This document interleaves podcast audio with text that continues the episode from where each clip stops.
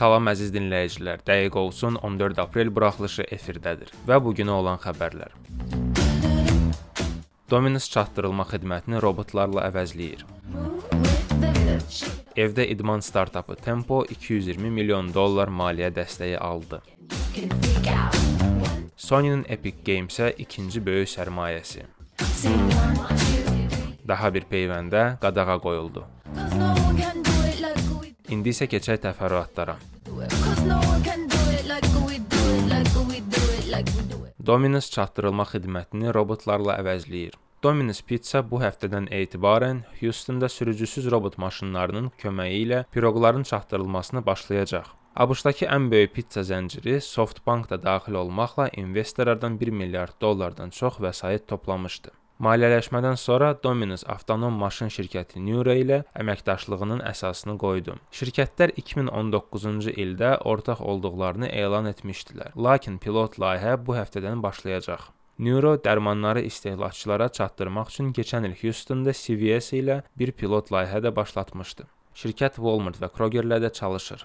Dominus ilə əməkdaşlıq ərzaq çatdırılması üçün ciddi sürücü çatışmazlığı olduğu üçün baş verir.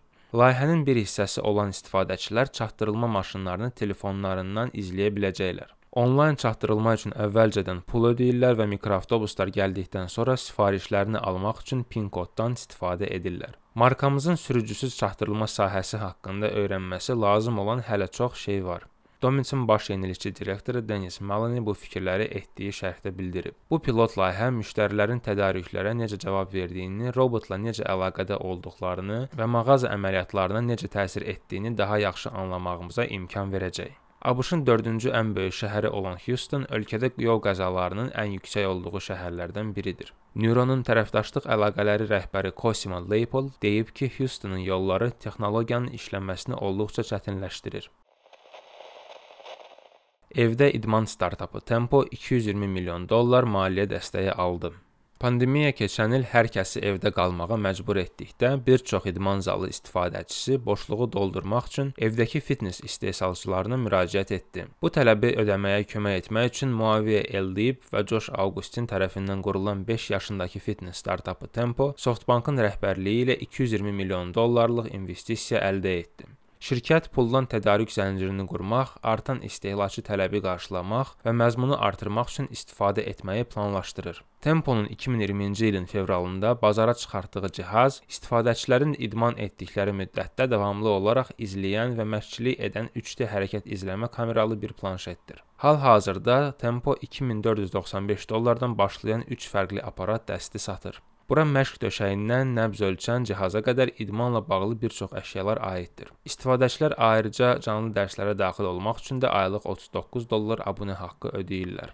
Temponun istifadəyə verilməsi xüsusilə əlverişli bir vaxtda baş verdi. Pandemiya ortaya çıxdıqca evdə fitness tələbi də artdı. Startapın 2020-ci ilin əvvəlində sifariş edilməyə başladığından bu yana satışı 1000% artıb. Şirkətin statistikasına görə Tempo istifadəçiləri bu günə qədər 5 milyon məşq edib və cihazlarında 40 min saat idman edib. Tempo üçün genişlənmə fürsəti olduqca böyükdür. Çünki 2025-ci ilədək qlobal bazarın 29,4 milyard dollara çatacağı təxmin edilir. Yeni maliyyələşdirmə ilə şirkət logistika və təchizat zəncirini 2 qat artıraraq artan tələbdən faydalanmaq istəyir. Onlar işçilərin sayını artırmaq və bu il içində yoga və boks dərsləri təqdim etmək üçün də planları qurur. Sony-nin Epic Games-ə ikinci böyük investisiyası Sony Epic Games-in yeni 1 milyard dollarlıq investisiya turunda şirkətə 200 milyon dollar sərmayə qoydu. Onlarla sərmayəçisi olan Fortnite oyununun yaradıcısı şirkət yeni investisiya turundan sonra dəyərini 28,7 milyard dollara çatdırıb. Bu Epic Games-in keçən iyul ayında həyata keçirdiyi investisiya dövründə təxminən edilən dəyərindən 10 milyard dollardan çoxdur. Epic Games-in baş icraçı direktoru Tim Sweeney investisiya qoyuluşundan sonra hələ də şirkətin əsas səhmdarıdır. Mətbuat açıqlamasında Sweeney maliyyə dəstəyindən Fortnite, Rocket League və Fall Guys da oyunları arasında əlaqəli sosial təcrübələrin yaradılmasına sərf edəcəyini dedi.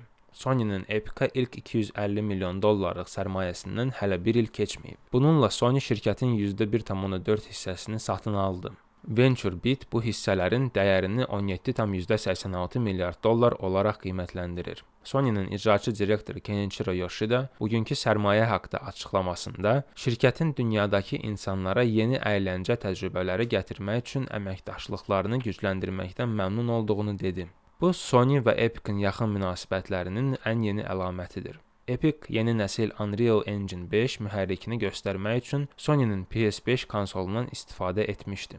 Sweeney iki şirkətin PS5-in yaddaşını inkişaf etdirmək üçün sıx əməkdaşlıq etdiklərini də xəbər vermişdi. Epic şirkətinin ümumi dəyəri Epic Games mağazası üçün pulsuz oyunlara 100 milyonlarla pul xərcləməsinə baxmayaraq artıb. Pulsuz oyunlar haqqında statistika iPhone-un Fortnite-i keçən il App Store-dan çıxarmasından sonra Apple ilə davam edən məhkəmənin bir hissəsi olaraq bu yaxınlarda ortaya çıxıb.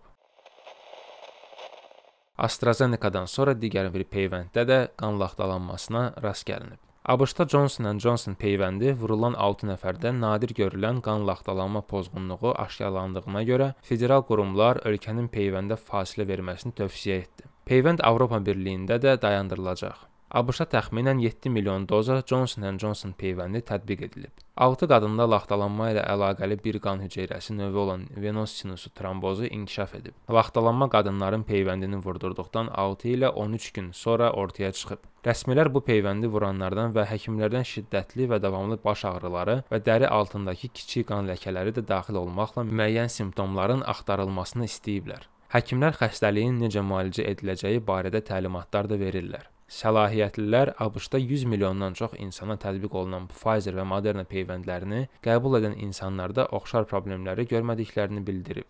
ABŞ-da 120 milyondan çox insan ən azı bir COVID-19 peyvəndi vurdurub. Böyük əksəriyyət ya Pfizer ya da Moderna peyvəndi alıb. Peyvəndi vurduranlardan yalnız %5-i Johnson & Johnson peyvəndindən istifadə edib. Ağ ev verdiyi açıqlamada peyvəndə fasilənin ABŞ-ın vaksin planlarını təsir etməyəcəyini söylədi. Hər yetkin insan üçün hələ də Pfizer və Moderna peyvəndlərinin tədarükü var. Cümə günü Avropa Dərman Agentliyi 4 laxtalanma hadisəsi barədə məlumat aldıqdan sonra Johnson & Johnson peyvəndini nəzərdən keçirdiyini açıqladı. Şirkət bu gün istintaq davam edərkən peyvəndin Avropada yayımlanmasını təxirə saldığını bildirdi. Bənzər bir laxtalanma pozğunluğu halları Avropada, İngiltərədə və Kanadada istifadə edilən AstraZeneca COVID-19 peyvəndi qəbul edən insanlarda da görülmüşdü. AstraZeneca və Johnson & Johnson peyvəndi eyni texnologiyadan istifadə edilərək hazırlanmışdır. Hər ikisi də adenovirus adlanan zəiflənmiş bir virusdan istifadə edirlər. Hər iki peyvənd də Avropanın əsas peyvənd tədarüküdür. Yaranan hallar qitədə vaksinasiya prosesini olduqca yavaşladır.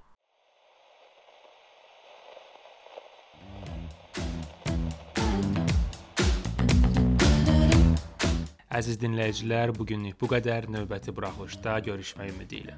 Sağ olun.